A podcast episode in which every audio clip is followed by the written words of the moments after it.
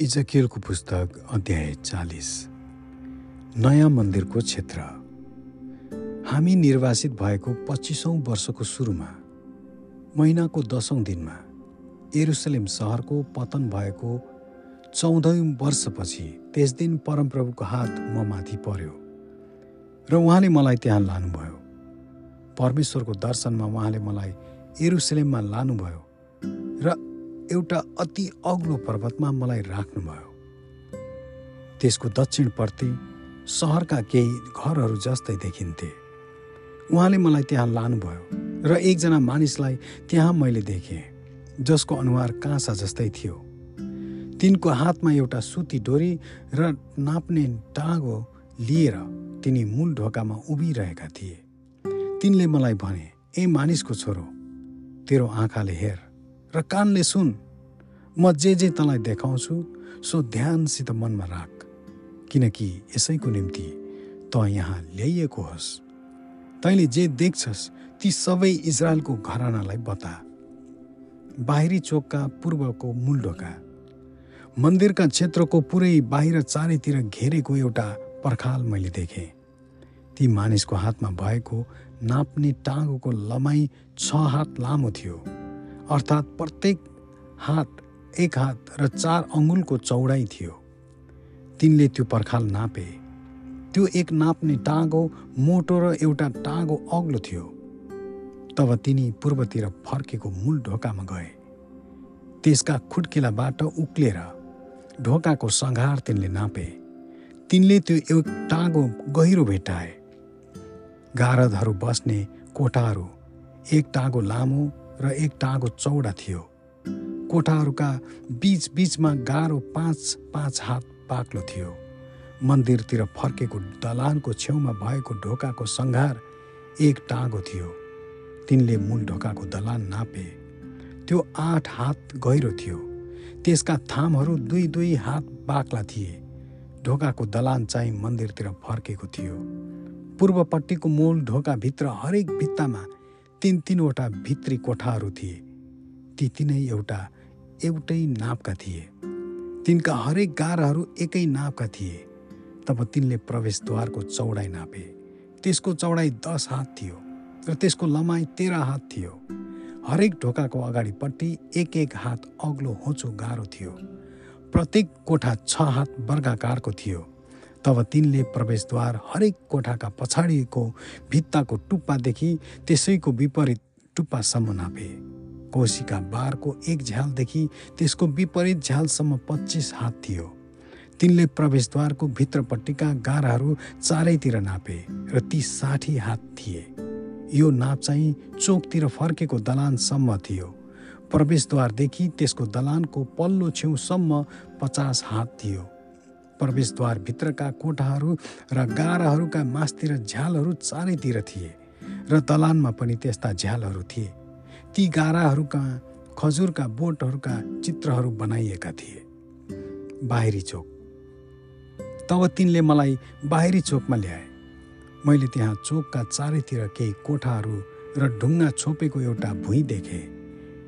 यो छोपेको भुइँमा तिसवटा कोठाहरू थिए। ढुङ्गा ओछ्याएको भुइँ प्रवेशद्वारको छेउसम्मै निस्किएको थियो। भुइँको चौडाइ र प्रवेशद्वारको लमाइ बराबर थियो। यो चाहिँ तल्लो पिँढी थियो। तब तिनले तल्लो प्रवेशद्वारको भित्रपट्टिदेखि भित्री चोकको बाहिरसम्म नापे। त्यो पूर्व र उत्तरपट्टि पनि एक सय हात थियो। उत्तरको मूल ढोका। तब बाहिरी चोकमा पुर्याउने उत्तरतिर फर्केको मूल ढोकाको लमाइ र चौडाइ तिनले नापे। त्यसका हरेक भित्तामा भएका तिन तिनवटा ससाना कोठाहरू र साथै त्यसका गाराहरू र दलानका नापहरू चाहिँ पहिलेको कोठाका नापहरू जत्रै थिए। त्यो पचास हात लामो र पच्चिस हात चौडा थियो।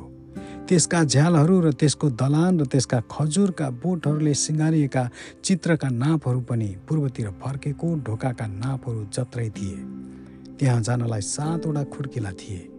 र त्यसको दलान चाहिँ खुड्किलाको विपरीत थियो। पूर्वमा भए जस्तै उत्तरका ढोकाको सामुन्य भित्री चोकमा पुर्याइने एउटा ढोका थियो। तिनले एउटा ढोकादेखि अर्को ढोकासम्म नापे। यो एक सय हात थियो। दक्षिणको मूल ढोका। तब तिनले मलाई दक्षिणतिर लगे र मैले दक्षिणतिर फर्केको एउटा मूल ढोका देखेँ। तिनले त्यसका थामहरू र त्यसको दलान नापे र ती पनि अरू जस्तै एकै नापका थिए। प्रवेशद्वार र त्यसको दलानका चारैतिरका झ्यालहरू अरू जस्तै थिए। त्यो पचास हात लामो र पच्चिस हात चौडा थियो। त्यहाँ जानलाई सातवटा खुड्किला थिए। त्यसको दलान चाहिँ तिनको विपरीत थियो।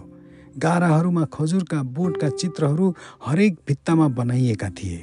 भित्री चोकको पनि एउटा दक्षिणतिर फर्केको मूल ढोका थियो। तिनले यस ढोकादेखि दक्षिणतिरको बाहिरी ढोकासम्म नापे। त्यो एक सय हात थियो। भित्री चोकका मूल ढोकाहरू। तब तिनले मलाई दक्षिणको मूल ढोकाबाट भएर भित्री चोकमा ल्याए। तिनले दक्षिणको ढोका नापे र त्यसको नाप पनि अरूहरू जस्तै थियो। त्यसका ढोकाहरू गाराहरू र दलान अरूहरू जस्तै एकै नापका थिए। प्रवेशद्वार र त्यसको दलानका चारैतिर झ्यालहरू थिए। त्यो पचास हात लामो र पच्चिस हात चौडा थियो। भित्री चोकका चारैतिरका प्रवेशद्वारहरूका दलानहरू चाहिँ पच्चिस हात चौडा र पाँच हात गहिरा थिए। त्यसको दलान बाहिर चोकतिर फर्केको थियो। त्यसका थामहरूमा खजुरका बोटका चित्रहरू बनाइएका थिए। त्यहाँ जानलाई आठवटा खुट्किला थिए। तब तिनले मलाई पूर्वतिरको भित्री चोकमा ल्याए र त्यसको प्रवेशद्वार नापे र ती अरू जस्तै एकै नापको थियो। त्यसका ढोकाहरू गाराहरू र दलान पनि अरूहरू जस्तै एकै नापका थिए। प्रवेशद्वार र त्यसको दलानका चारैतिर झ्यालहरू थिए। त्यो पचास हात लामो र पच्चिस हात चौडा थियो। त्यसको दलान बाहिरी चोकतिर फर्केको थियो र त्यसका थामहरूमा खजुरका बोटका चित्रहरू एक एकतिर बनाइएका थिए। त्यहाँ जानलाई आठवटा खुट्किला थिए। तब तिनले मलाई उत्तरको ढोकामा ल्याए र त्यो नापे। त्यो पनि अरू जस्तै एकै नापको थियो। त्यसका ढोकाहरू गाराहरू र दलानहरू त्यस्तै थिए। त्यसका चारैतिर झ्यालहरू थिए। त्यो पचास हात लामो र पच्चिस हात चौडा थियो। त्यसको दलान बाहिरी चोकतिर फर्केको थियो। त्यसका थामहरू खजुरका बोटहरूका चित्रहरू एक एकतिर बनाइएका थिए र त्यसका जानलाई आठवटा खुड्किला थिए। बलिदानहरू तयार गरिने कोठाहरू।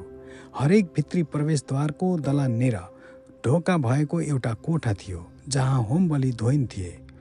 होम बलि पाप बलि र दोष बलि मार्नलाई प्रवेशद्वारको दलानका दुवैपट्टि दुई दुईवटा टेबल थिए। प्रवेशद्वारका दलानको बाहिर भित्तानिर उत्तरको मूल ढोकामा जाने खुड्किला नजिकै दुईवटा टेबल थिए र खुड्किलाको अर्कोतिर पनि दुईवटा टेबल थिए। यसरी प्रवेशद्वारको एकातिर चारवटा टेबल र अर्कोतिर पनि चारवटा सबै जम्मा आठवटा टेबल थिए। त्यसैमा बलिदानहरू मारिन्थे। होम बलिका निम्ति काटेका ढुङ्गाका चारवटा टेबल थिए। प्रत्येक टेबल डेढ हात लामो र डेढ हात चौडा र एक हात अग्लो थियो। ती माथि नै होम बलि र अरू बलिदानहरूका निम्ति चलाइने भाँडाकुँडाहरू राखिन्थे। अनि दुई चुच्चा भएका अङ्कुशहरू प्रत्येक चार अङ्गुल चौडा भित्ताका चारैतिर झुन्याइएका थिए। टेबलहरू चाहिँ भेटीको मासु राखिनलाई थिए। पुजारीहरूका कोठा। भित्री मूल ढोकाको बाहिरपट्टि भित्र चोकभित्र दुईवटा कोठा थिए। एउटा कोठा उत्तरको मूल ढोकानिर दक्षिणतिर फर्केको र अर्को चाहिँ दक्षिणको मूल ढोकानिर उत्तरतिर फर्केको थियो। तिनले मलाई भने यो दक्षिणतिर फर्केको ढोका ती पुजारीका निम्ति हो जसका जिम्मामा मन्दिर छ र उत्तरतिर फर्केको ढोका चाहिँ ती पुजारीहरूका निम्ति हो जसका जिम्मामा वेदी छ। यी साधुकका छोराहरू हुन् र लेबीहरूमा ती मात्रै परमप्रभुको सामुन्य सेवा गर्नलाई उहाँको नजिक आउन सक्छन्। तब तिनले चोक नापे। त्यो वर्गाकार थियो। एक सय हात लामो र एक सय हात चौडा। वेदी चाहिँ मन्दिरको अघि अवस्थित थियो। मन्दिर। तब तिनले मलाई मन्दिरको दलानमा ल्याए र दलानका थामहरू तिनले नापे। ती दुवै पाँच पाँच हात चौडा थिए। प्रवेशद्वारको चौडाइ चौध हात थियो र त्यसका गाराहरू एक एकतिर तिन तिन हात चौडा थिए। दलानको चौडाइ बिस हात थियो र त्यसको अगाडिपट्टिदेखि पछाडिपट्टिसम्म बाह्र हात थियो। त्यसका उक्लिने दसवटा खुड्किलाहरू थिए र थामहरूका दुवैपट्टि खम्बाहरू थिए। आमेन।